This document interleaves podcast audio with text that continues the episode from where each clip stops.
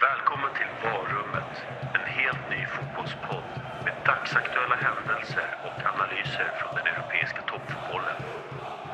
Vi utlovar ofiltrerade sågningar, men även en del hyllningar. Tempot är högt och domsluten är korrekt.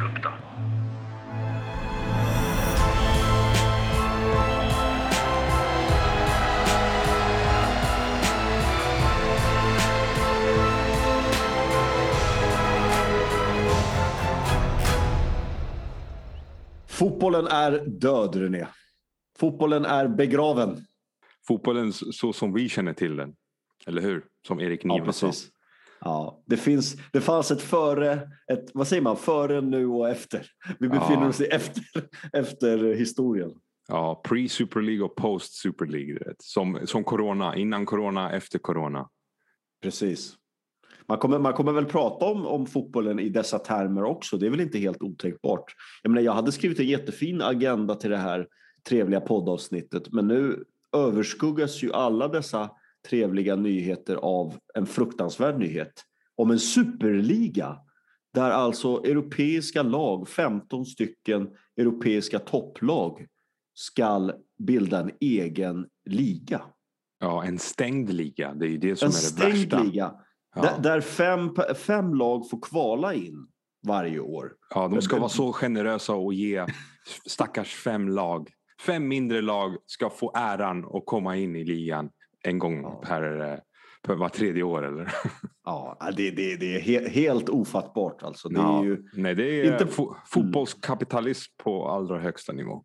ja, för vi måste, ju börja, vi måste ju börja i änden. Varför?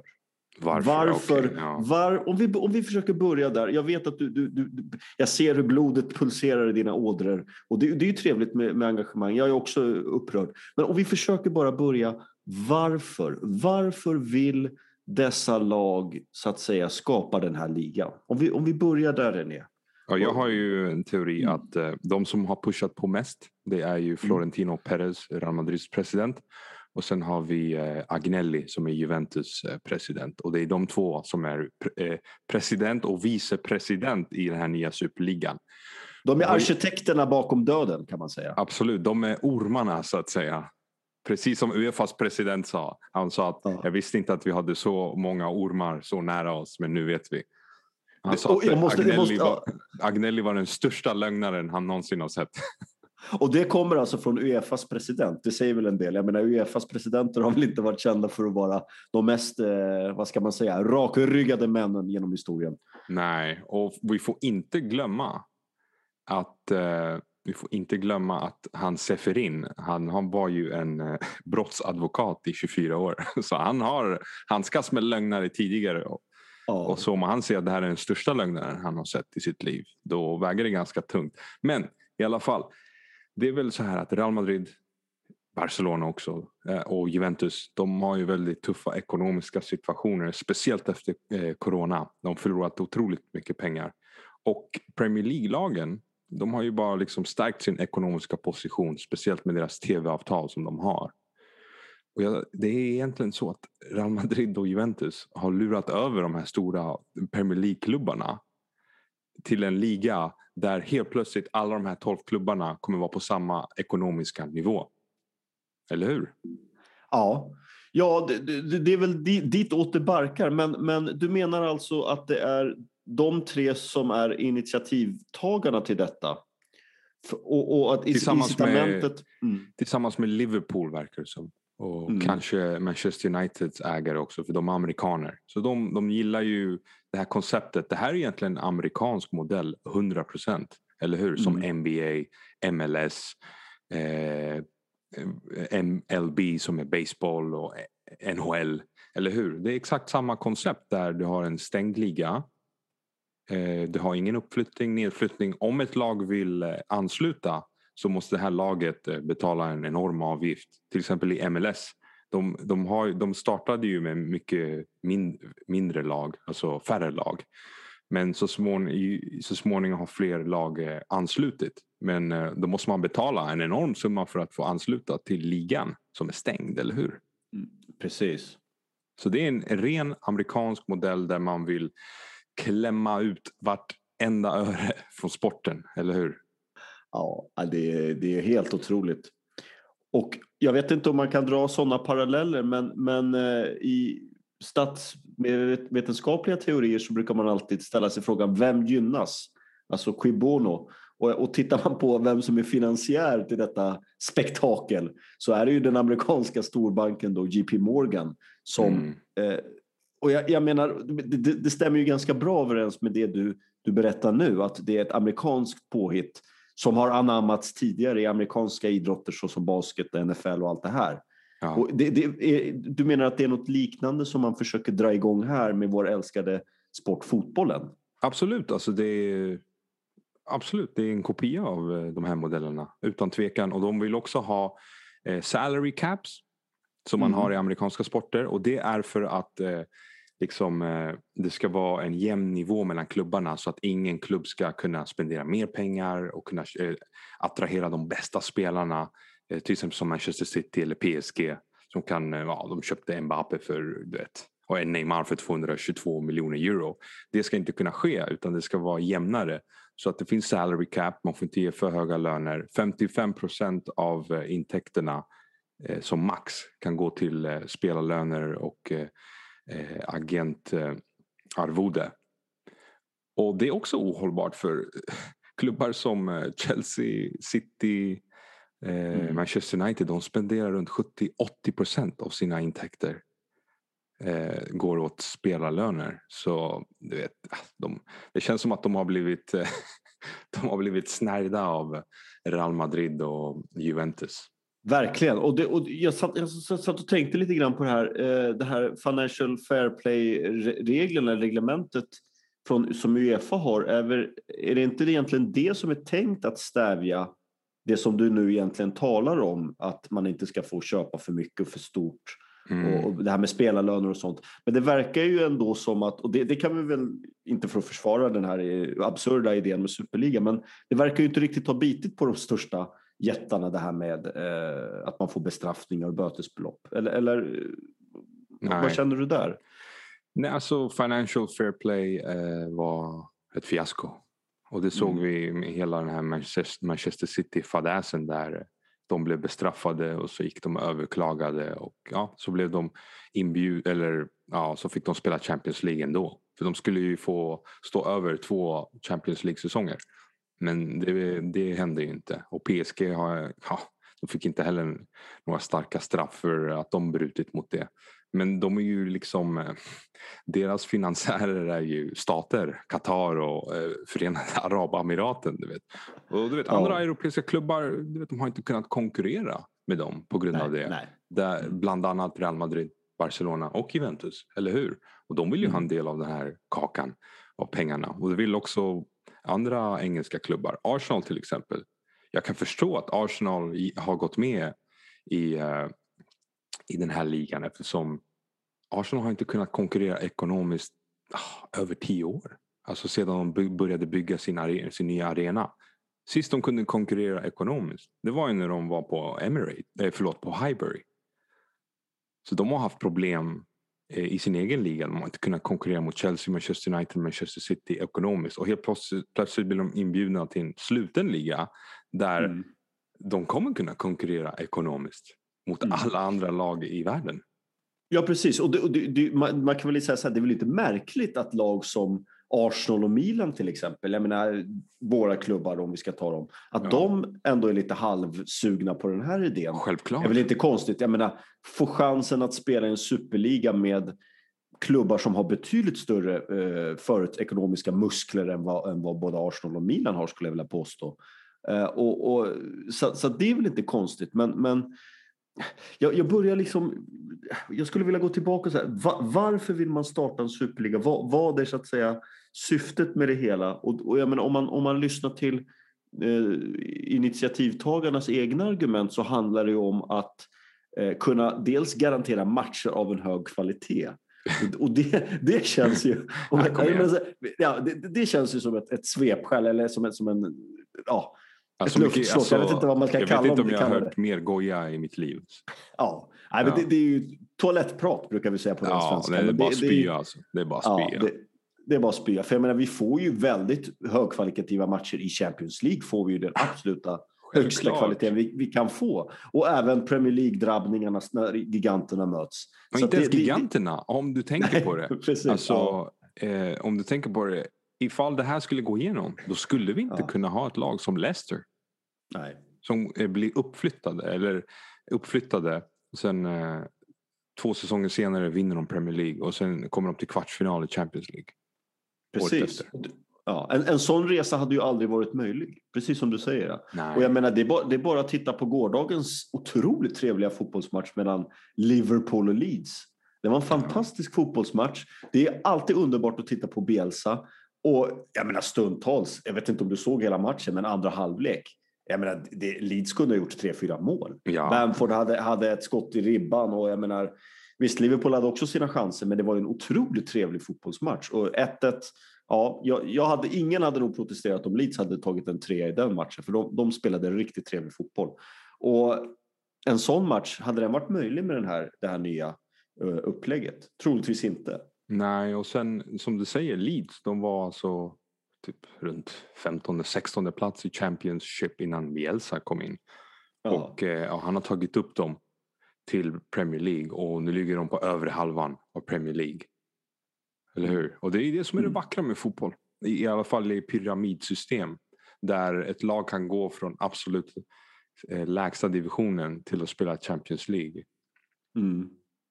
Så om vi, om vi som normalt funtade människor eh, kan ändå selektera bort eh, så kallade tramsargument som att det skulle generera matcher av betydligt högre kvalitet Eh, utan istället gå till grunden som du precis redan har varit inne på. Utan det handlar väl snarare om en slags kraft eller lockelse att få en ännu större del av den ekonomiska kakan.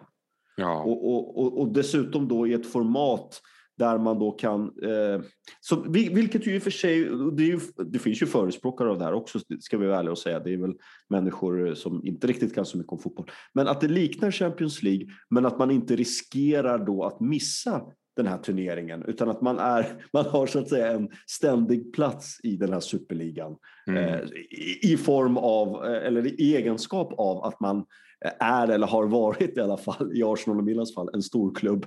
Eh, och, och det, det, är ju helt otroligt egentligen. Det påminner lite grann om det här vetorätt som man har i FN. Att det finns länder som alltid har ja. så kallade vetorätt och säger de, säger de stopp liksom i en fråga, då blir det stopp även om alla andra länder tycker att det här ska gå, det här ska ja, funka. Exakt. Så ja. de vill alltså skapa en liga där eh, sportsliga meriter inte spelar någon roll. De vill alltså kunna komma tolva i sin inhemska liga men ändå mm. få ta del av den här enorma kakan så att säga. Mm.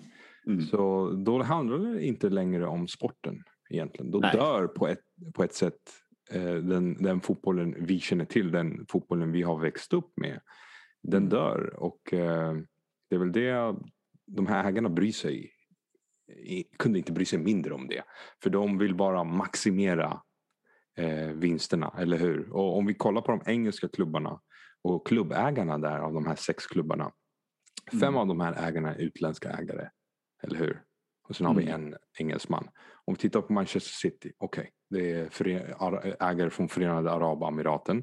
Ja. Och vi vet ju att mycket handlar om pengar för dem. Och sen har vi eh, Manchester United ägda av amerikaner. Det är klart de skulle vilja ha, se ett amerikanskt system. Och så har vi Liverpool mm. också ägda av amerikaner. Samma sak där. De vill maximera mm. vinsterna. Och vad bryr de sig om engelsk fotbollskultur? Hundra år gammal engelsk fotbollskultur. De kunde inte bry sig mindre. Eller hur? Mm. Sen har vi Roman Abrahamovic. Där pengarna är, där finns Abrahamovic. Så enkelt är det. Han är en oligark. Det har han alltid varit.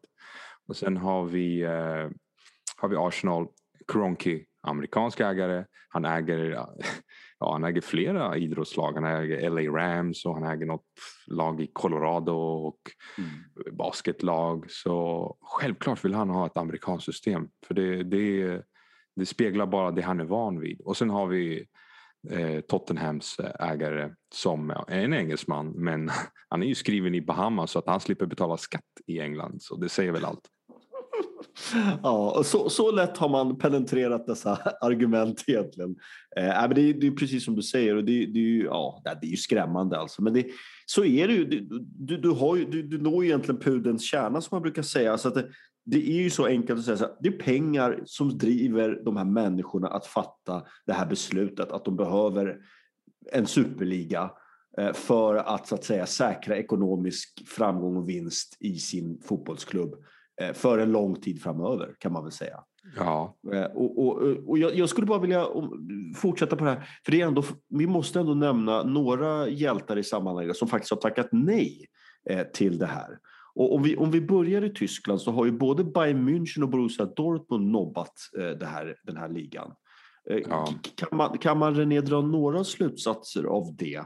Eh, naturligtvis ska de hyllas för sitt eh, agerande, men har de, har de, jag tänker så här, ser de inte samma vinning av det här systemet? Eller varför tror man, man att man tackar nej? Ja, först och främst så känns det väl som att eh, de här tyska eh, klubbarna, både Dortmund och eh, Bayern München, de, ja, de är väl lite mer realistiska. De, de vill, har väl inte samma vanföreställningar som de andra klubbarna. Eh, och de vet att de behöver den, den här fotbollspyramiden för att kunna vara framgångsrika. Man får inte glömma att anledningen till att de här 12 klubbarna är stora det är för att de har konkurrerat mot andra klubbar, eller hur? Mot mindre klubbar. Och mm. sen, vart köper de här stora klubbarna sina talanger ifrån? Eller hur? De köper mm. dem från de mindre klubbarna. Southampton är praktiskt taget Liverpools farmarklubb. Herregud. Mm. Där de köpte Van Dijk ifrån och eh, Sadio Mane och Lalana. Och eh, det gäller alla de här, eh, alla de här klubbarna. Och jag tror också att den här 51% regeln i Tyskland där fansen äger 51 procent av klubbarna. Det innebär ju att de inte kan ta sådana här beslut utan att fråga fansen. Men de, de, andra klubbarna, ja, de verkar inte bry sig om sina fans. Och om Nej. fotbollen eh, överhuvudtaget. Så, eh, fotbollen är ju sekundär för eh, de här eh, Agnelli och Perez och Glazers i Manchester United. Och vinsten, status och vinst, det är ju nummer ett. Mm. Och för Precis. Dortmund och Bayern så kanske de kanske inte har samma perspektiv. För de vet att långvarigheten, för att ha långvarighet och då pratar vi generationer. Mm. Då behöver man fansen på sin sida och man, man behöver den här strukturen. Och den här strukturen har fungerat över en mm. lång period. Den är prövad. Den här, den här nya superligan den är inte beprövad i Europa. Nej, precis. Det är en risk. Nej, och, det, och precis. Och det, det, känns, precis som du säger, det känns som att Bayern München Eh, och även Dortmund eh, och eh, vi ska komma till PSG också sen, att det kanske skulle vara klubbar som rent ekonomiskt kanske skulle gynnas av det här. Men jag läste lite om Karl-Heinz Rummenigge som menar på att det här är helt fel väg och att vi tillsammans, de europeiska klubbarna tillsammans ska jobba solidariskt för att säkerställa allt det här som vi har pratat om med spelarlöner och kostnader och agenternas ersättningar. Att det ska balanseras mot de intäkterna som man får.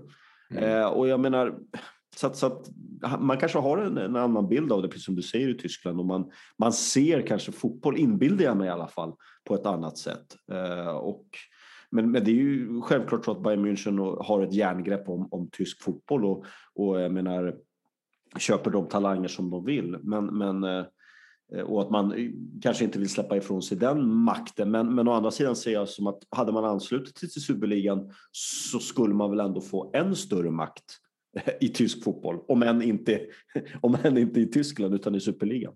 Ja, men det, de kanske tänker att superligan dödar de inhemska ligorna. För det gör det. Mm. Eftersom, tänk dig själv i Premier League om du har sex klubbar som är garanterade en plats i den här så kallade superligan vad är det för mm. superliga utan Bayern München i alla fall. Ja, ja. Eh, om du har sex klubbar i ligan som är garanterade och garanterat att, att de får spela i superligan. Hur är det då för de andra klubbarna? Vad, vad, vad, är det för liga? Den dör ju. Intresset dör ju, eller hur? Om Arsenal eller Tottenham eller Chelsea ligger på 14 plats. so what? De kommer ändå spela i Europa mot de, de stora klubbarna eh, nästa säsong. Eller hur? Intresset försvinner ju. För det finns ju fortfarande intresse. Ah, kan min klubb lyckas ta topp fyra eller topp sex och spela Europa League eller Absolut, spela Champions ja. League? Vet, den här säsongen Arsenal-fansen har varit helt besatta av Europa League. För om vi vinner Europa League så går vi till Champions League. Men nu, vem fan bryr sig? Jag kunde inte bry mig mindre om Arsenal vinner Europa League nu. Jag tycker egentligen att Arsenal och Manchester United borde bli utslängda och finalen borde vara Roma Villarreal. Alltså jag som Du går Arsenal-fan. så långt. Du Ja, går jag så långt. Arsenal-fansen 97-98. Eller hur? Över 20 år. Mm. Och jag har inga problem. Jag skulle inte ha några problem om Villarreal och Roma får spela finalen. Jag vill egentligen att det ska ske. Ja, jag, jag, håller, jag håller helt med dig. Det är, man, man blir ju väldigt, väldigt besviken på sin egen klubb. Eller be, besviken är egentligen fel ord. Man blir, man blir upprörd, förkrossad nästan. Ja. Eh, över, att, över att det finns människor som, som har sån liten eh, känsla och passion för fotbollen överhuvudtaget. Att man, att man kan överväga ett sånt här beslut. Det, det, det är väl det som gör en upprörd. Alltså. Man Mm. känner sig lite lurad, lite eh, förbigången, lite bedragen nästan av, de här jättarna. De och tror ju att de är större än vad de egentligen är. Ja, Eller hur? precis. Och jag vet- precis så. Och jag, Och fansen, ja, alltså så som man har sett det. Alla fans, Mm. alla brittiska fans och, och så vidare. De, de har ju blivit helt tokiga. Eller hur? ja. De har ju vänt ryggen mot sina klubbar. Och eh, gör man det, förstör man eh, sin loka, si, si, sina lokala anhängare, om man förstör liksom relationen med dem, hur ska då klubben kunna vara hållbar? Mm. Förklara det. Ska de åka på Ja. någon jävla turné och spela matcher i USA? I USA, den här ligan skulle kanske vara intressant i en halv säsong så skulle folk inte bry sig. De har NBA, de har NHL, de har eh, baseball, NFL. De skiter i någon jävla superliga. Europeisk superliga. Vad, vad, vad ska amerikanerna bry sig om det? Nej, jag, tror, jag, jag, jag tror och jag, jag sitter och funderar på så här. Vi, vi som ändå är fan av de här klubbarna som kommer att eh, kanske ansluta sig då till den här superligan och spela den. Men de måste ju räkna blint med, arkitekterna bakom det här måste ju räkna blint med att vi kommer fort, fortfarande kolla på den här superligan Eh, och, och brinna för våra lag och köpa matchbiljetter och gå på matcher och köpa dyra tv-licenser och allt vad det heter. Men eh, som det känns idag så jag vet inte hur du känner men jag känner mig inte alls peppad på det. Man kanske ändrar sig men, men, men det finns ju ingen passion bakom det hela. Det är som du säger, alltså, en fotbollsliga för ett land är ju det finaste som finns. Och där ska ju de bästa lagen spela och det laget som har mest poäng när säsongen är slut, det är bäst i landet. Punkt slut. Ja. Och, och, och, och bara för att ta upp den här eh, kampen om Champions League-platserna. Precis som du säger, alltså, en, en, att, att komma topp fyra. Det är ju viktigare att nå den där fjärdeplatsen än att komma tvåa för en klubb. Jag menar, att. Manchester United ser ut att komma tvåa i Premier League. Ja, det är väl en helt okej säsong. Eh, De är ju ljusår från City. Det är ju det är ju en annan sak. Och det, det tror jag inte Superligan kommer råda bot på heller. Utan det är fotbolls, av fotbollsmässiga Ja. skäl. De är, de är ett sämre fotbollslag. Men jag menar, fjärdeplatsen är ju otroligt, precis som du säger, det är jätteåtråvärd att komma på fjärde plats uppåt. Mm. Och det är det alla lag slåss för. Det är ju jättespännande matcher för att se, för att se det. Samma sak i italienska ligan. Juventus får stryk av Atalanta. Ja, de, har, de har problem att ta topp Ja. fyra den här säsongen, Juventus. de, de, har problem, ja, precis, de har problem att ta topp fyra Juventus. Visst, de har vunnit ligan varje nio år i rad. Ja. Men nu har de bytt tränare, de har stora problem. Och de är, ja, vi ska vara ärliga, de är utspelade mot Atalanta i 90 minuter. Det kunde blivit 3-4-0 till Atalanta. Det är det som är så att- ironiskt, eller hur? Ja, ja, det är det som är ironiska. Och, och jag menar, en sån klubb som Atalanta är ju verkligen en sån som man, alltså, man vill ju se dem mot de största klubbarna i landet och sen få chansen att komma ut i Europa. Det har ju varit det man har sett fram emot hela säsongen. Och jag Ja. och det, det, och kommer tillbaka till det här, vi har ju redan Champions League. Det är den finaste fotbollsturneringen som man kan vinna, så är det bara. Ja. Och jag menar, om du inte kommer till Champions League, menar, det krävs inte så mycket. Om du är en stor klubb i ett lag som Italien, du behöver komma topp, vad är det, fyra Mhm. för, att få, för, för att spela Champions League. Kommer du inte topp fyra, då har du ingenting där att göra. Så Nej. enkelt är det. Då ska platsen till någon annan. Det är inte Men- konstigare än så. Men så vill de inte ha det, de här stora klubbarna. Utan de är så liksom, de har sån arrogans och sån känsla av... Eh, de är så elitistiska, eller de bara, Vi är eliten, vi ska Ja. ha all makt i fotboll, vi ska roffa åt oss alla pengar. Du vet, det är typiskt det här miljardärtänket, eller hur? Och sen Perez att han har mage och säger vi gör det här för hela fotbollen. Vi gör det här så att de andra mindre lagen kan tjäna mer pengar. Vet du vad han låter som? Som eh, var på 80-talet Ronald Reagan i USA lurade det amerikanska folket om trickle down economics. Ja, kan du inte berätta om det?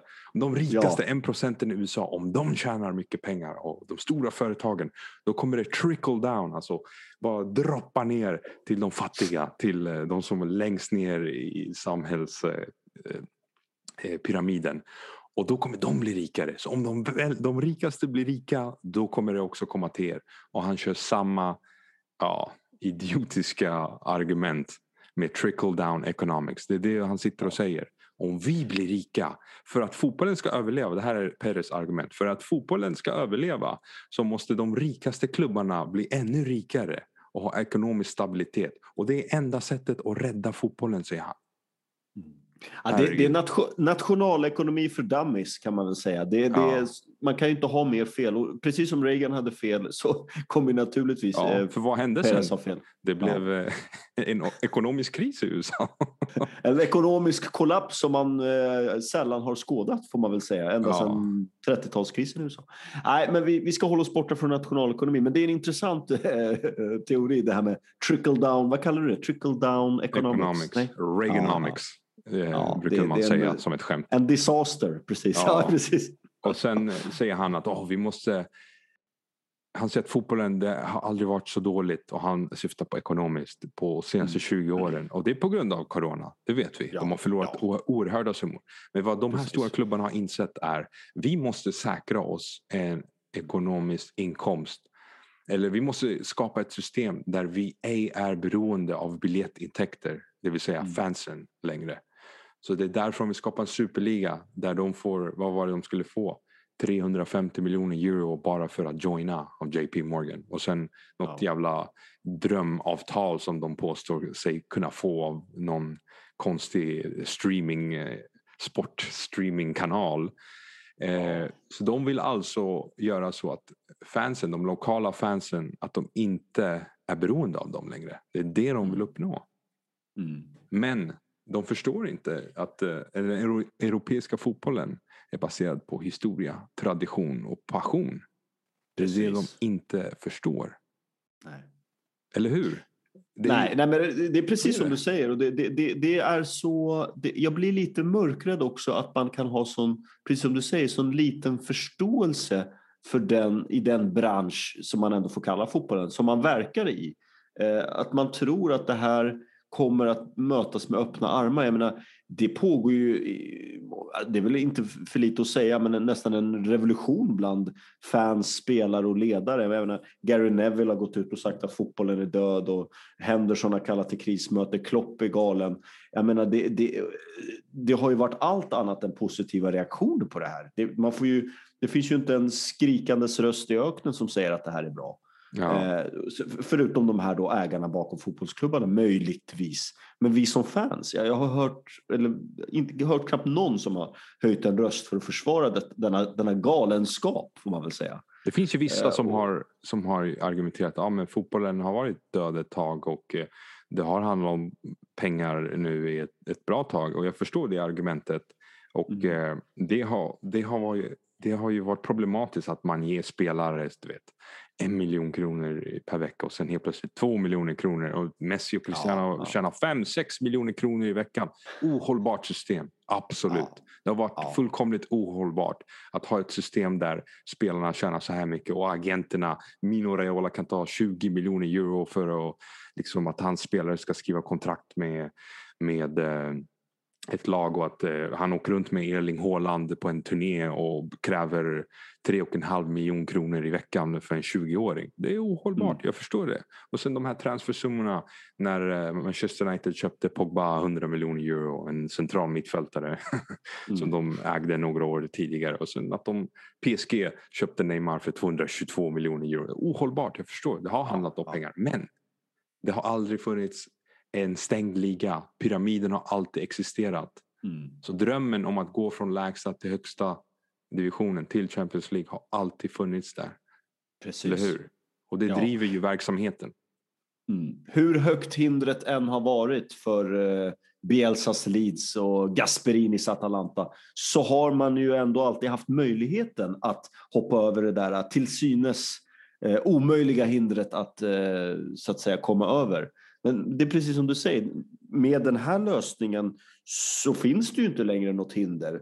Utan man har plockat bort hela hindret och satt upp ett stängsel eller en mur istället. Ja. Och avskärmat sig, avskärmat sig från eh, övriga lag eh, i ligan eller i ja. Europa. Och, och, bara säga att vi, vi möter bara varandra därför att det är mer ekonomiskt hållbart. Eller mer ekonomiskt gynnsamt för oss. På en ö har de satt sig själva, isolerat sig. Ja, vi ska spela mot varandra. Vad är det där för? Det är incest. Ja. Egentligen för låt, efter två, tre säsonger, hur uttråkad kommer du inte vara att spela mot eh, Tottenham igen flera gånger per säsong? Vad, vad bryr du dig om det? Ja, Milan ska möta ja. alla de här klubbarna. Du kommer bli uttråkad för det finns ingen glans i stjärnmöten längre. Det är ju det som gör VM så fantastiskt, att det bara var fjärde år. Samma sak med EM. Och det är det som gör Champions League så fantastiskt. Hur, hur lång tid tog det innan man med FF kunde spela Champions League igen? Mm. Det tog ju för evigt. Och då liksom, tänk dig hur stort det där var för deras fans.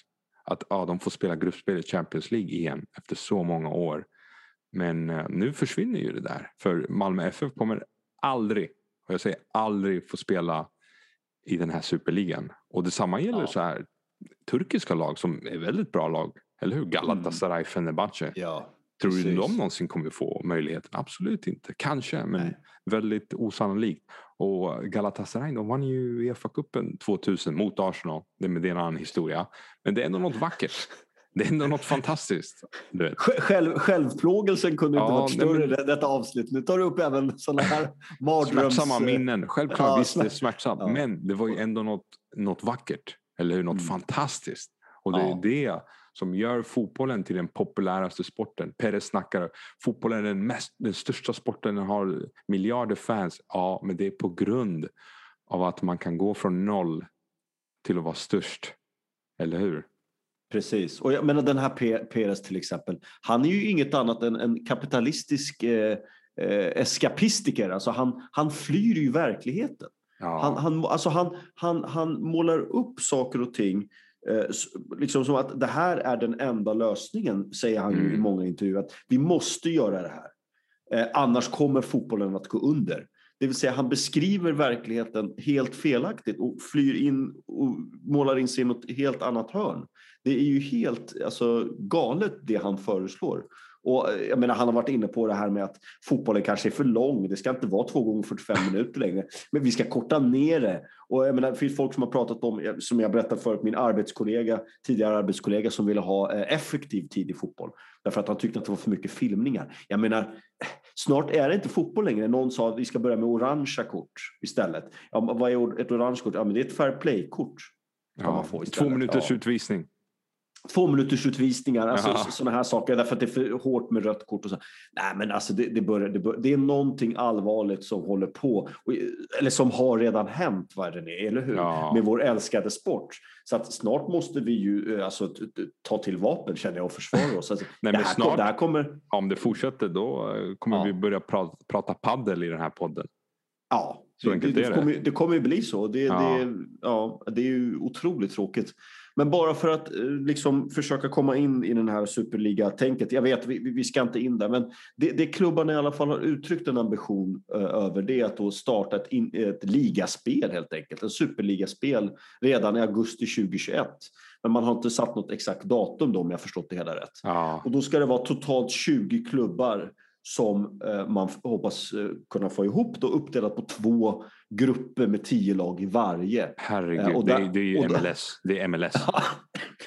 Precis, och alla lag i vardera grupp möter varandra hemma och borta och åtta lag från de här grupperna då avancerar vidare till ett kvartsfinalspel. Och slutspelet avgörs med dubbelmöte Eh, och sen bortsett från finalen så spela på neutral plan i en match. Ungefär det som vi har haft i Champions League då. Eh, ja. om, om vi stannar vid kvartsfinalen och går därifrån framåt. Då. Eh, så att 15 av de här 20 platserna, de ska vara fasta. Eh, och som jag förstått det så ska det vara omöjligt att åka ur en superliga även om man ja. kommer sist varenda år. Bara det är ju otroligt konstigt upplägg. Och sen ska då fem platser vara öppna varje säsong. Och, säg mig hur man ska kunna fördela dem bland ligans eh, liksom främsta, det vet jag inte heller. Eh, och finansiärer, ja det är JP Morgan och man har även öppnat upp för att det här skulle kunna göras även i damfotbollen. Ja, alltså det är sjukt så det här. fort-. Så Det fort det är praktiskt möjligt eh, häv- hävdar man. Ja, det, det är vulgärt och det, det är snuskigt. Och de vill vara kvar i sina ligor. Alltså, tänk dig Mm. magen på de här klubbarna.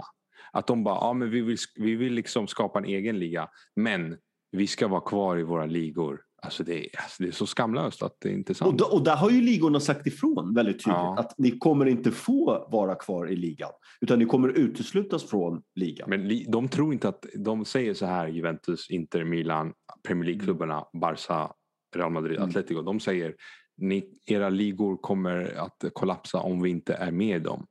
Mm. Men eh, jag tror att jag har en bästa lösning på det här. Och den bästa lösningen det är att alla de här 12 klubbarna, man inför transferembargo på dem stenhårt. De får inte köpa spelare, värva spelare från någon annan klubb än de här 12 klubbarna. Och gör du det, då stryper du dem. Och då kommer de inte kunna överleva. För om vi ska vara ärliga, då, alla de här klubbarna de köper ju spelare och ungdomar, talanger från alla Mm. andra klubbar, eller hur? Det är så Ja, de överlever. De behöver de mindre klubbarna för att vara stora klubbar. Precis. Eller hur? precis. Ja. Så stryp Ja. dem med transferembargo stenhårt. Och jag säger också förbjud spelarna att spela landslagsfotboll för då kommer spelarna att eh, skapa revolt. Det kommer aldrig, det kommer, tänk dig att man inte får spela EM och VM tillhörandes den här superligan. Det säger ju allt egentligen. Vadå, ska de starta egna, ska de starta egna världsmästerskap Nej, det går inte. inom super? Det går ju inte. Det, det Nej, kommer nej, nej. De får, kommer inte få ihop egna, eh, fulla lag ens. Det kommer Alltså, inte jag, jag hoppas att de, de gör så här i EFA. De kan, för mig kan de göra det redan det här EM-mästerskapet. S- Spelar Mm. ingen roll. Förbjud alla spelare som har kontrakt med någon av de här 12 klubbarna att få spela EM den här sommaren. Mm. Egentligen gynnar det Sverige. Ja, ja, absolut. Vi har Som- väl bara Zlatan och Lindelöf spelar vi. Och Kulusevski. Vi förlorar tre Kulusevski, spelare. Förlåt. Ja, ja, det är inte tre dussin spelare Ja. i och för sig, men ja. Men om du jämför med så här, pff, Portugal och Frankrike och Ja. eh, Italien. De kommer ju vara mycket, mycket svagare. Det, enda, la- det laget som kommer vinna EM i så fall är ju Tyskland. För de, ja, de förlorar Werner och Havertz. Så att, precis. De vinner varje år. Brasilien har väl en chans i VM också. Kan jag tänka mig. De Ja. har väl så bra inhemska spelare egentligen. Så ja, sen PSG lag. värvar alla brassar. De har Ja. redan ett gäng. Ja, det är Ja. helt otroligt. Och, det, och de har ju också sagt, de här lagen som är kvar i Champions League och som då tillhör superligan, eh, Real, Chelsea och, och City bland annat, då, att de inte ska spela de här kvarvarande matcherna i Champions League-semifinalerna. Hoppas inte. Släng ut dem. Ta in Porto istället för. Chelsea. Ta in Porto Ja. istället för Chelsea. Ta in Dortmund istället för City. Och sen eh, tar du in ett fjärde lag också som åkte ut mot antingen...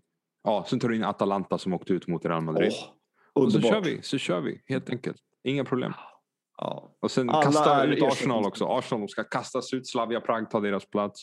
Och sen Ja. vänta, vilka slog eh, Manchester United? De slog Granada. In med Granada i semifinalen. Nej, precis. Så skulle jag vilja ha det. Ärligt Ja. talat. Ja. Och tänk dig, jag säger det här som Arsenal-fan men jag har ingen Ja. lust att... Jag struntar fullständigt i om de vinner Europa League. Om de, om de, om de startar en superliga då, Ja. då, då spelar inte deras inga Champions League-titlar, inga Europa League-titlar någon roll. Men jag kan lugna dig René, jag tror aldrig att den här superligan blir av. Det kan jag säga på en gång. Jag Stryk tror dem. det är helt omöjligt att superligan blir av överhuvudtaget. Jag tror, och det har man ju kunnat läsa sig till också lite grann, att anledningen till att man kraftsamlar kring det här absurda förslaget med en superliga, det är nog för att man vill få till lite bättre finansiella avtal vad det gäller Champions League. Man kanske känner, jag, jag har inte koll på hur reglerna ser ut, vilka pengar man får. Jag kan tänka mig att man får väldigt mycket pengar i och för sig för Champions League och intäkter och allt det här, tv-rättigheter och sånt. Men jag kan tänka mig att klubbarna kanske känner sig lite lurade inom citationstecken av Uefa när det gäller Champions League. Jag vet inte, jag inbillar mig Mm. det. Och att man använder det här så att säga eh, hotet om en superliga för att så att säga eh, locka fram ett bättre avtal helt enkelt. Ja. Eh, det, det, det, är min teori och det är det jag tror att, att man har lagt upp det på det viset. Och eh, jag håller med dig tidigare analys om corona. Naturligtvis ligger corona bakom det här också. Att man, man känner sig desperat. Jag menar, många klubbar känner ju av det här. Ingen publik på eh, jag vet inte hur länge sedan coronautbrott. Jag menar, det är klart att man känner av det ekonomiskt. Men ja. lösningen kan inte vara en superliga. Det, det, kan, det är omöjligt. Nej, och sen alltså, hörde du att Perez ljög? Han påstod att PSG blev, var, ha, inte hade fått någon inbjudan och att de inte ens hade pratat med tyska klubbarna om superligan. Alltså det är den största lögnen jag har hört. Så du, prat, du vill skapa en superliga utan Bayern München? Ja. Är, är, är, han seriös? Mm. En superliga ut, ut och du vill inte bjuda in Bayern München. Alltså det, är så här, det är så fruktansvärda lögner. Alltså. Det visar bara på att vissa av de här pamparna eh, som sitter i de här klubbarna, alltså, de gör fotbollen sämre. De gör mm. inte den bättre. Eller hur? Och de har skapat ja. en miljö, en ekonomisk miljö som är ohållbar. Men vilka är det som har skapat det? Det är Perez som är bakom det hela. Det var han som mm. började med det här Galacticos. Han köpte Zidane ja. för 75 miljoner back in the day. Och så köpte han eh, Cristiano Ronaldo för 100 och sen Kaká för liknande summor. Gareth Bale. De spenderade 108 miljoner euro på Hazard nyligen. Sen har de mage och komma ja. och prata om att oh, vi har inte en hållbar ekonomisk situation. Ja, mm. men varför har ni skapat en sån här situation? Ja, precis, precis. Det är, ja, jag vet inte vad jag ska dra för jämförelse, men det är ju så idiotiskt korkat det här argumentationen om att en superliga skulle eh, liksom rädda alla problem. Och ja, samtidigt ta bort själva hjärtat, navet i det som gör att man faktiskt tycker om att titta på fotboll. Ja. Och, och det, har, det, har, man inte alls tänkt på utan det, man gör en, försöker få till en desperat åtgärd för att rädda sitt eget skinn. Eh, och som sagt, jag kan ha förståelse för att man, man, man eh, känner att den ekonomiska biten inte går ihop och allt det här. Men det kan inte vara rätt väg att starta en superliga. Det, det, det är helt för mig helt främmande. Alltså. Ja, det är inte rätt väg att vandra så att säga. Nej. Och eh, vill man ja, förstöra pyramiden. Det är mm. pyramiden som håller ihop den europeiska fotbollen och det är det som gör den till den populära sporten. Till eh, eh, det folk älskar liksom. Kulturella ja. arvet som finns. Det är på grund av den här pyramiden och att man ska man ska eh, liksom få en plats vid bordet genom ja. sportsliga meriter. Earn it, eller hur? Earn your Precis. place. Earn your place. Earn your paycheck. Ja, och jag menar bara en sån match. Nu ska jag inte jag, eh, men, men du har ju laddat upp för lite självkritik. Men jag menar Arsenals match eh, mot Fulham eh, som slutade 1-1 igen. Jag vet inte, ni räddade poängen i 97 minuten tror jag, något sånt där. Eh, var det väl som ni gjorde mål. Ja. Och jag menar, det var ju en, det var ju en 12 poängsmatch för Fulhams del. Den var ju så, för Arsenal ja. betyder det kanske, kanske inte så jättemycket. Men för Fulham var det ju, och de, de spelar ju bara 12 poängsmatcher nu för att rädda allt vad de kan rädda. De, de, de är ju i en situation som är oerhört ansträngd. De måste ju vinna varje match. Och jag menar visst, de släpper in ett mål i 97, men vi, alltså, en sån match, att få titta på en sån match, det är ju underbart. En ja. match där Fulham krigar in i det sista och liksom inte riktigt lyckas ändå bärga tre poäng. Men det är så nära, bara för att rädda kontraktet. Jag menar, vi tog upp det förut med, med Atalantas eh, match som betydde Champions League, eh, eller som förmodligen kommer att betyda om man fortsätter i det här. Atalanta har ju en otrolig formkurva som pekar spikrakt upp. Betyder förmodligen att vi får se dem i Champions League nästa år. Jag menar, sådana matcher är ju underbara att kolla på. Underbara. Ja. Eh, och jag menar, ska vi sluta med de här matcherna? Jag menar, det, jag tycker det är riktigt, riktigt tråkigt. Och, ja, på, eh, ja. intresset för fotboll kommer faktiskt att sjunka. Och eh, sen får vi inte glömma att eh, Uefa har ju startat en ny liga, Conference League, som är alltså Europa League 2. Europa League 2. Och eh, det innebär ju att eh, mindre klubbar kommer få bättre ekonomiskt och kan konkurrera eh, med de större klubbarna eftersom de får in lite mer pengar från de här Conference League och Europa League.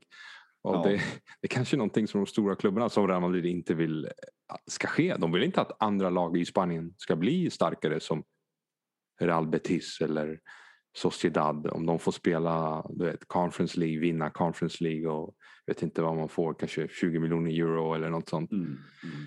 Eh, så Uefa försöker ju göra det lite jämnare på det sättet. Men Mm. eh, de här ägarna vill ju gå motsatt riktning. De vill ju liksom strypa så att mindre klubbar inte kan nå dem, inte kan toucha dem. För det är så här, som du säger, de baserar det på historiskt. Men det är Mm. också felaktigt för Aston Villa har vunnit Europacupen och var en stor Mm. klubb förut. Nottingham Forest vann den två gånger. Mm. Porto har vunnit Champions League. Ja. Tre, ja, de har vunnit eh, två gånger de också. Och Benfica har vunnit eh, två gånger eh, de också. Celtic vann eh, Europacupen 1967. Var en, är en stor klubb. Du vet. Mm. Så eh, när du ser en superliga historiskt baserat. Vad gör Tottenham där? det handlar inte om det, det handlar om Ja. pengar. Så det Ja, handlar ja. absolut inte om fotbollen. För när Tottenham är med i en superliga, om man Mm. tänker superliga historiskt, och Bayern München inte är med, ja, då är det ett skämt. Det är ett Då skämt. är det Så är det. Och, ja, och. PSG ska ju definitivt vara med i sånt fall på merit om vi ska prata det. Jag menar, Champions League-final förra året har ju dominerat fransk fotboll hur länge som helst och är i semifinal i Champions League i år. Så att, eh, det, det, det, precis som du säger, det är ekonomiska incitament som driver. Det kommer inte bli en bättre fotboll, snarare tvärtom. Det kommer bli en betydligt sämre, tråkigare fotboll med ett ligaspel som jag, vi inte ens vet hur det kommer se ut. Kommer de här lagen spela ligan överhuvudtaget? Kommer de få spela ligan? Även om de får det, ja. Hur känner de andra det? lagen att möta dem? Ja, Hur känns det för Everton att möta de här jävla klubbarna? ja, det måste ju kännas alltså, Bojkotta bara. Då, ja, fruktansvärt tråkigt. Jag menar, ja. Ska man spela då för att kanske bli ett av de här fem lagen som väljs in i den här superligan, så kallade Mm. superligan? Jag menar, är det ambitionen man ska ha? Vad kommer ligan ha för status? Kommer den eh, sj- sjunka ännu mer? Liksom? Ja. Eh, Och det, det, det är bedrövligt alltså. Så, Det är ja, som att kolla på... förstå. Det är som att kolla på NBA, alltså i slutet av säsongen. De lagen som inte kommer gå till slutspel. De där matcherna, de är, alltså det är skräp. Ja, Ingen bryr sig. precis. De, och. I NBA, de måste spela 82 matcher för att få det att gå runt. Du vet. Ja. Under säsongen. Ja, de har, där har de ju någonting att jobba på om man, om man pratar liksom att eh, försöka behålla intresset på de här mellanmatcherna. Och, och det är därför jag alltid varit så kritisk till ett slutspel. Det är ju det stor, den stora nackdelen med ett slutspel är ju precis det du nämner, att lag som inte kommer att nå slutspelet, det är ju hopplöst för dem att spela de sista matcherna överhuvudtaget. Det blir ju ointressant.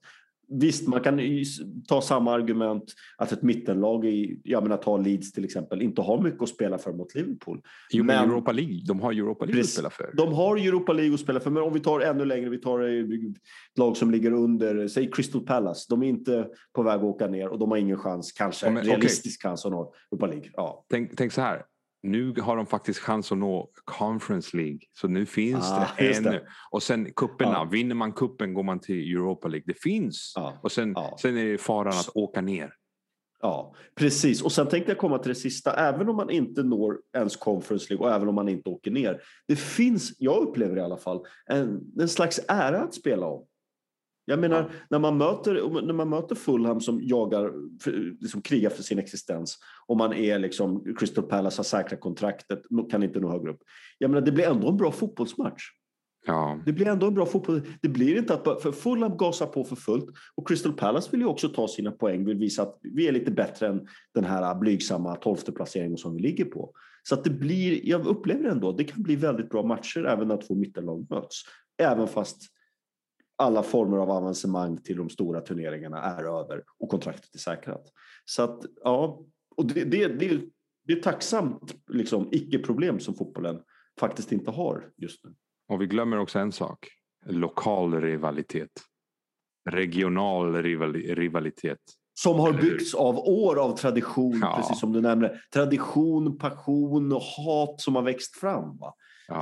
Det, det, precis som du säger, det är alltid kul. Jag menar Arsenal och Tottenham, ett möte där, det är alltid kul att titta på, även om det inte gäller ligatiteln. Ja, eller Lon- eh, vilket London-derby som helst. West Ham är Ja. en Londonklubb och möter de Arsenal, Ja. två Londonklubbar mot varandra. Det finns rivalitet. Eh, Leeds och United har en rivalitet historiskt sett. Ja. Eh, Ja. Alltså Leeds och Manchester United. Så ja. de där mötena också du vet, väldigt laddade. Schalke 04 och Dortmund, de kommer från samma område. De har ju värsta derbyt, eller hur? Ja, ja. Och det skulle inte kunna existera i en superliga. Det försvinner alla de här eh, speciella mötena och det kommer normalisera stormöten. Och på det sättet kommer alltså de här storklubbarna mot varandra, de här matcherna kommer att normaliseras och eh, folk kommer tappa intresset. För de har sett ja, de har sett Manchester United mot Real Madrid nu eh, flera säsonger på raken. Två, tre gånger per år, fyra gånger per år. Eller whatever. Nej, vem bryr sig till slut? Den här Precis. regionala passionen, den är annorlunda, eller hur? För de här fansen. Ja. Och den måste finnas kvar. Det är ja. precis som du säger. Och det är samma sak om vi får titta på liksom United eh, mot eh, Real Madrid två, tre gånger per säsong. Jag menar, det tappar ju udden. Jag menar, vi sitter och längtar efter Champions League därför att det är den vackraste turneringen som finns. Och vi längtar efter stormatcher. Och vi längtar efter att se Atalanta mot Real Madrid. Vi, ja. visste att det skulle bli roliga rolig tillställningar. Och det blev det. Det blev det. Det är kul att se att, att Atalanta med sina begränsade ekonomiska resurser men en otrolig, eh, fantastisk fotbollsfilosofi kan utmana ett av världens rikaste klubbar och spela riktigt bra fotboll. Mm. Det är jätteroligt att titta på. Dortmund utmanar City, i alla fall i ett möte. Men det är roligt att titta på. Absolut. Och det här får man inte se. Nej. Men jag säger som jag sa till min far, tacka vet jag allsvenskan. Vi har alltid allsvenskan. Vi har allsvenskan och vi måste ju bara nämna att Djurgården och Malmö FF ångar på sex poäng på två matcher. Eh, ja, de har börjat superstarkt, så är det bara. Och frågan är väl om något lag överhuvudtaget kan rå på Malmö. Djurgården kanske. Djurgården ligger etta, så om man slutar räkna idag efter två omgångar så är de mästare. Precis. Vad, vad hemskt det skulle vara va? om de vinner i år. Nej, usch, det får inte hända. Men eh, imponerande start i alla fall. Eh, och eh, även en, någon annan som har imponerat väldigt mycket det är ju eh, Kolbeinn Sigurdsson. Eller Sigtorsson eh, som ja. han heter. Han visar att släkten är värst. Du vet att han gjorde inte ett enda mål i AIK-tröjan förra säsongen. Ja, eh, och, och han gör två mål igår ja. när, AIK, när AIK mötte Göteborg. Typiskt. För Göteborg då. Ja. Det är helt otroligt. Släkten är värst. Och så fick vi se Hamsik-debut också i Allsvenskan. Ja. Vi får inte bara prata om tråkigheter, men det var Mo kul att se Hamsik. Han Mohikanen. såg väl inte... Ja, Mohikan, Mohikanmannen byttes in. Den sista Mohikanen. Ja, verkligen. Ja, det, oh, usch. Men eh, han såg helt okej okay ut. Eh, han spelade enkelt, eh, levererade boll, kom väl in i en del av matchen där Göteborg redan hade 2-0. Var halvnära att orsaka en straff, men det var aldrig riktigt, riktigt nära. En godkänd debut av Hamsik. Ja. Kul att se honom. Lite overkligt att se honom springa in i allsvensk Göteborg-tröja. Liksom. Det var helt surrealistiskt, men, men kul. Tänk om det här, det här superliga, det här fadäsen gör så att de mindre ligorna, så som allsvenskan och så, blir större. Det skulle vara fantastiskt. Ja, jag ser inte riktigt hur det skulle ha en effekt på uh, allsvenskan om vi tittar på den. Men, men, um, jo, så här. Ja. Då att fler platser till mindre ligor eftersom så 12 klubbar försvinner. 15 klubbar försvinner. Och då Champions League kommer ju fortsätta. Och då blir det mm. så att eh, lag från Sverige och sådär kanske får, har större chans att komma in i Champions League, få mer pengar, bygga upp eh, du vet, större ekonomisk, eh, eh, ekonomiska vinster och på det sättet kunna attrahera och behålla mer talanger. Det här är bara för, rent ja, spekulativt jag förstår. Jag låter inte så exalterad som du här, men jag försöker. Men jag vet inte, för mig, jag lever kvar i den där världen där Champions League är det finaste vi har och det är det man liksom, det, är julafton och det infinner sig en gång per år. Och det ska göra det och där är de bästa lagen. Och har man inte gått till Champions League då är man helt enkelt inte bra nog. Så, så är det, så enkelt är det. Och man kan skylla på olika saker, men, men eh, ja jag vet inte. Jag har, jag har svårt att se Champions League utan de här lagen faktiskt. De här 15 stora så att säga. Det har jag faktiskt. Ja, eh, nej, men det är men, bara, men, det bara ja. transferembargo. Förbjuda spelarna att spela Uefa och Fifa-turneringar, det vill säga EM, VM, mm. Eh, Copa America och så vidare. Eh, ja, då backar de nog. För spelarna mm. kommer inte acceptera det. De, spelarna håller redan på med myteri just nu. Ja, det, det, pågår ju en revolution, spelar och tränarrevolution just nu får vi väl säga, tillsammans med fansen då. Det är de som har makten. Det, det, Ja, Makten är, är hos spelarna. För det, ja. intresset är inte i miljardärerna. Vem fan bryr sig om Perez? Hans fula ansikte. Utan folk bryr sig om spelarna. Först och främst. Och om spelarna, om Cristiano Ronaldo och Messi och de här skulle komma ut bara det här är ointressant. Vi vill inte mm. spela den här turneringen. Ja, vad har de då erbjuda de här pamparna? Ja, Nej, det, det är precis som du säger. Det är, ja, vi får se. Jag tror ju som sagt var, eh, jag säger det igen, jag tror att det här är en eh, ganska utstuderad förhandlingsteknik för att få till bättre avtal med Uefa. Eh, det, jag mm. inbillar mig att det är det och jag tror egentligen inte kanske att man fullt ut menar allvar eh, faktiskt med detta. Men, men det, det är vad jag kanske hoppas mer än tror. Men, men vi får se hur det blir. Eh, vi, vi, måste väl komma in också på att Mourinho, José Mourinho har fått lämna Tottenham. Ja. Det känns lite inom parentes i, i, när vi pratar om superligan och så, men, men det blir en ganska dyr historia för Tottenham också. Ja, men de, ska ju, de förväntar sig 350 miljoner euro från superligan, de, de gamarna. Eller? Precis. Då kan de betala vad är det, 233 miljoner svenska kronor tror jag man omräknar där för Mourinho då, att man häver hans kontrakt. Vad roligt. Får jag nämna någonting bara snabbt? Självklart. Så Mourinho, sedan han eh, tränade Porto, vilket, när var han började? 2002. Så han, ja. var han tränare i Porto. Och sen har han tränat, efter det har han tränat Chelsea, Inter, Real Madrid, Manchester United. Eller hur? Och han var i Chelsea två gånger. Ja, Chelsea ja. nummer två. Så Manchester United och nu eh, senaste klubben är Tottenham.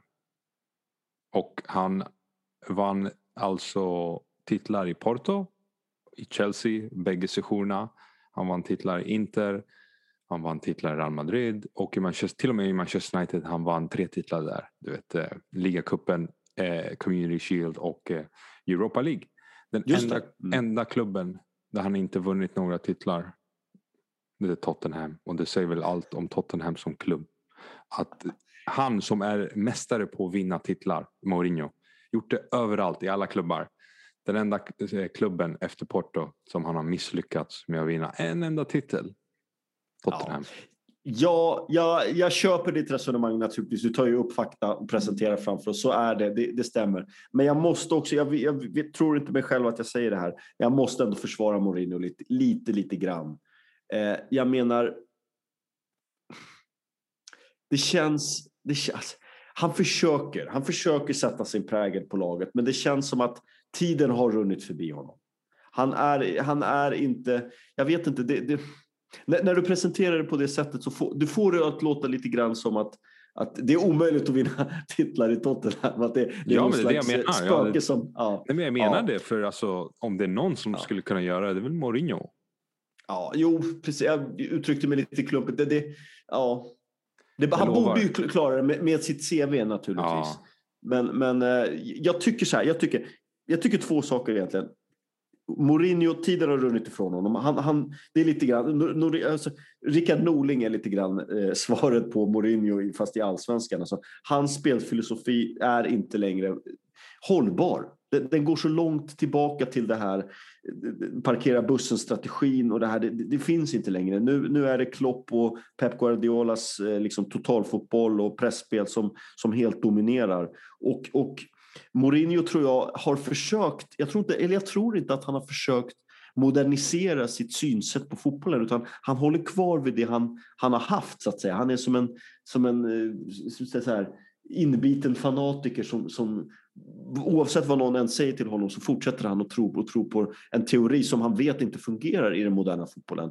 Och den fungerar än mindre med det spelarmaterial som Tottenham har. Ja. Och, det, och, det, det, så, förstår jag, menar, och det såg vi också. Jag menar, Pochettino, han vann inga titlar med Tottenham, men han spelade en fotboll som var väldigt rolig att titta på. En fröjdig fotboll. Det var offensivt, alltså det var framåtlutad offensiv fotboll. Eh, och jag menar, han tog dem till Champions League-final. Visst, det är ingen som kommer ihåg en tvåa, men jag menar, han har gjort fantastiska insatser eh, i Tottenham. Och jag vet inte vad jag vill säga med det här, men, men på något sätt är det som att det var dömt att misslyckas från första början. Mourinhos förlegade fotbollsfilosofi och Tottenhams eh, spelarmaterial och sättet som Tottenham, tycker jag, bör spela fotboll på ska vara mer framåtlutad. Det går inte att förena dessa två olja och vatten liksom, ja, element. Det är väl också olja och vatten när det gäller mentalitet. Mourinho gör Ja. allt för att vinna. Alltså allt. Medan Tottenham är ökända för att göra allt för att motarbeta att vinna. De liksom Ja. Skjuter sig själva i foten. Det gör de alltid. Herregud, nu i Europa League. De hade 2-0 eh, första mötet mot eh, Dinamo Zagreb i första Ja. mötet. Ja. Men så förlorar de 3-0 mot Zagreb borta. Det säger allt om dem som klubb. Deras svaga mentalitet. Arsenal lider också Ja. av det här. eh, Just bara ingrodd förlorarmentalitet. Men Tottenham är ju värst när det gäller det. Ja, ja. Tottenham, är, ja, Tottenham är bäst i klassen och det, det är på att förlora. Så det, det, det är bedrövligt att se. Och jag menar, vi, vi har pratat mycket om Hammarby, men Hammarby har ändå en tränare i Stefan Billborn som vill spela en framåtlutad fotboll och har spelarmaterialet för det. Sen att försvaret inte riktigt är så intakt, det är en annan sak. Men hade man haft Rickard Norling, då hade man inte ens försökt spela en framåtlutad Nej. fotboll. Jag kan lova dig, jag, en utfästelse nu, IFK Norrköping i år, de kommer inte att sluta topp fem. Eh, Vi får se. De har ju, Norling. de De har ju väldigt bra lag. Det har de. De har ett jättebra lag, men Rickard Norling, det, det, det är han som är felad. Hans spelsätt och hans sätt att se. Vet att AIK var på väg att åka ur med Rickard Ja, Norling. Bara från, alltså, ja, 2018 tar vi SM-guld och sen är vi på väg att åka ur. Alltså, det, det, det, jag menar, det är helt otroligt. Och sen Ja, kommer var Bartosz. Grzelak in och räddar upp situationen och spelar en, en lite mer trevligare framåtlutad fotboll. Och jag menar, det, det säger allting. Det säger allting. Mm.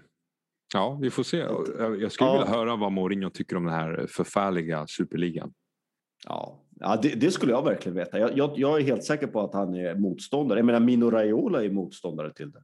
Ja, de flesta är motståndare till det. Det är Ja. nästan bara de här, eh, de här giriga oligarkerna och miljardärerna som eh, är för det.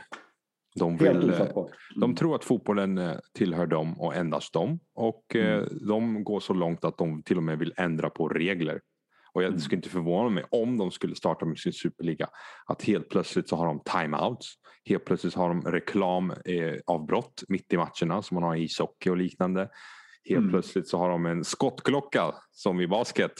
Ni måste skjuta inom en minut eh, på motståndarens planhalva. Annars Ja, så blir det indirekt frispark till andra laget.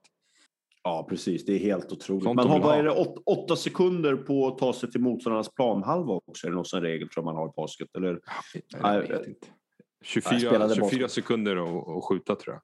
Ja, 24 sekunder att skjuta. Okej, ja, jag tror att det är åt, Jag för mig att jag läst att det är åtta sekunder. Och går man För förbi planhalvan, går man förbi planhalvan med mål, då får man inte gå tillbaka för då får andra Ja, laget bollen. Ja, ja. Det är så de vill ha fotbollen, de här idioterna. ja det är helt, helt ofattbart. Ja. Fria byten, två minuters utvisning kommer de vilja introducera amerikanerna. Mm. Men vet du vad? Man kan nästan beskylla britterna lite för det här. För de bjöd in vargarna i hönshuset. För det här skulle inte vara möjligt utan Premier League eller klubbarna. Och de har Ja. sålt sina klubbar Mm. Mm. tyvärr till eh, utländska investerare som inte, brytt sig, som inte bryr sig ett skit om historien och fotboll. De här amerikanarna och ja, den här shaken i, eh, i Man City kanske bryr sig lite mer om fotboll men du vet, de tänker ju ofta på pengarna. Men om, jag tror faktiskt att City, om det inte passar dem ekonomiskt, den här superligamodellen, då drar de sig ur. För de bryr sig inte. Ja, man får väl hoppas det. Man får hoppas att den aldrig blir av. Man får hoppas att den är någon slags ett, ett spel i en, en, eh, eller en bricka i ett lite större spel om, om finansiella verktyg som man vill komma åt egentligen och, och kunna sätta lite krav på, på Uefa. Eh, som jag i och för sig, jag menar Uefa kan ju också se sin skuld i det hela. Det är väl deras misskötta eh, hantering av det här med Financial Fair som har gjort att kan man väl ändå argumentera lite Ja. grann för René att jag menar, det har ju inte varit det bästa uppstyrande. Men, men samtidigt tror jag inte att det är där i heller som det kommer. För att det har ju snarare drabbat de klubbarna som inte är med i Superligan. Exakt. Om vi ska Nej, ärliga. Det har De skapar ett monster. Alltså när de skapar Ja. Champions League i, Mm. 92. Då har de skapat ett monster. För grejen är, så är det överallt i samhället. De som är rika, de rikaste vill alltid ha mer. Och så är det med de här klubbarna. De är störst, de är rikast. Så de vill ha mer, mer av kakan, mer och mer. Och de tycker sig berättigade, berättigade Mm. till det. Och eh, man borde satt stopp för det tidigare. Du vet. Men de lät monstret bara växa. De gav eh, Agnelli och eh, Perez mer inflytande i Uefa. De satt ju i styrelser och sånt. För att influera. Inifrån har de förstört Uefa, inifrån Agnelli, eller hur? In, inifrån har de penetrerat och sedermera förgiftat eh, Ja. vår härliga, härliga sport egentligen. eh, vet, de bara vill ha mer och mer och mer. Så man borde satt ner foten hårt och därför säger jag man måste sätta ner foten extremt hårt nu. Så därför Mm. säger jag förbjud spelarna i EM.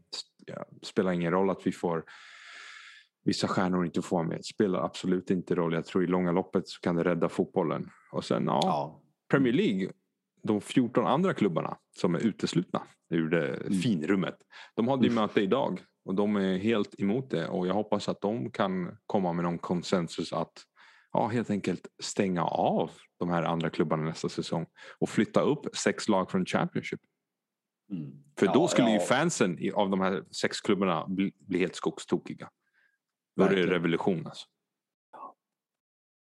Då är det revolution. Länge lever fotbollen får vi väl avsluta med och Ja. säga att vi är, är det här fotbollens sista dagar i den form vi har känt den hittills så ja, det var trevligt. Eh, Medan vi det får, ja, precis. Vi får skriva läroböcker till framtida generationer om en sport som vi eh, växte upp med, älskade och sen se dö som en eh, stjärna som släcks eller som en meteor som träffar jordskorpan och dör. Det blir tyska ligan och allsvenskan för vår del. Ja, Och eh, får- damallsvenskan. Så det, vi har fortfarande saker att eh, se fram emot.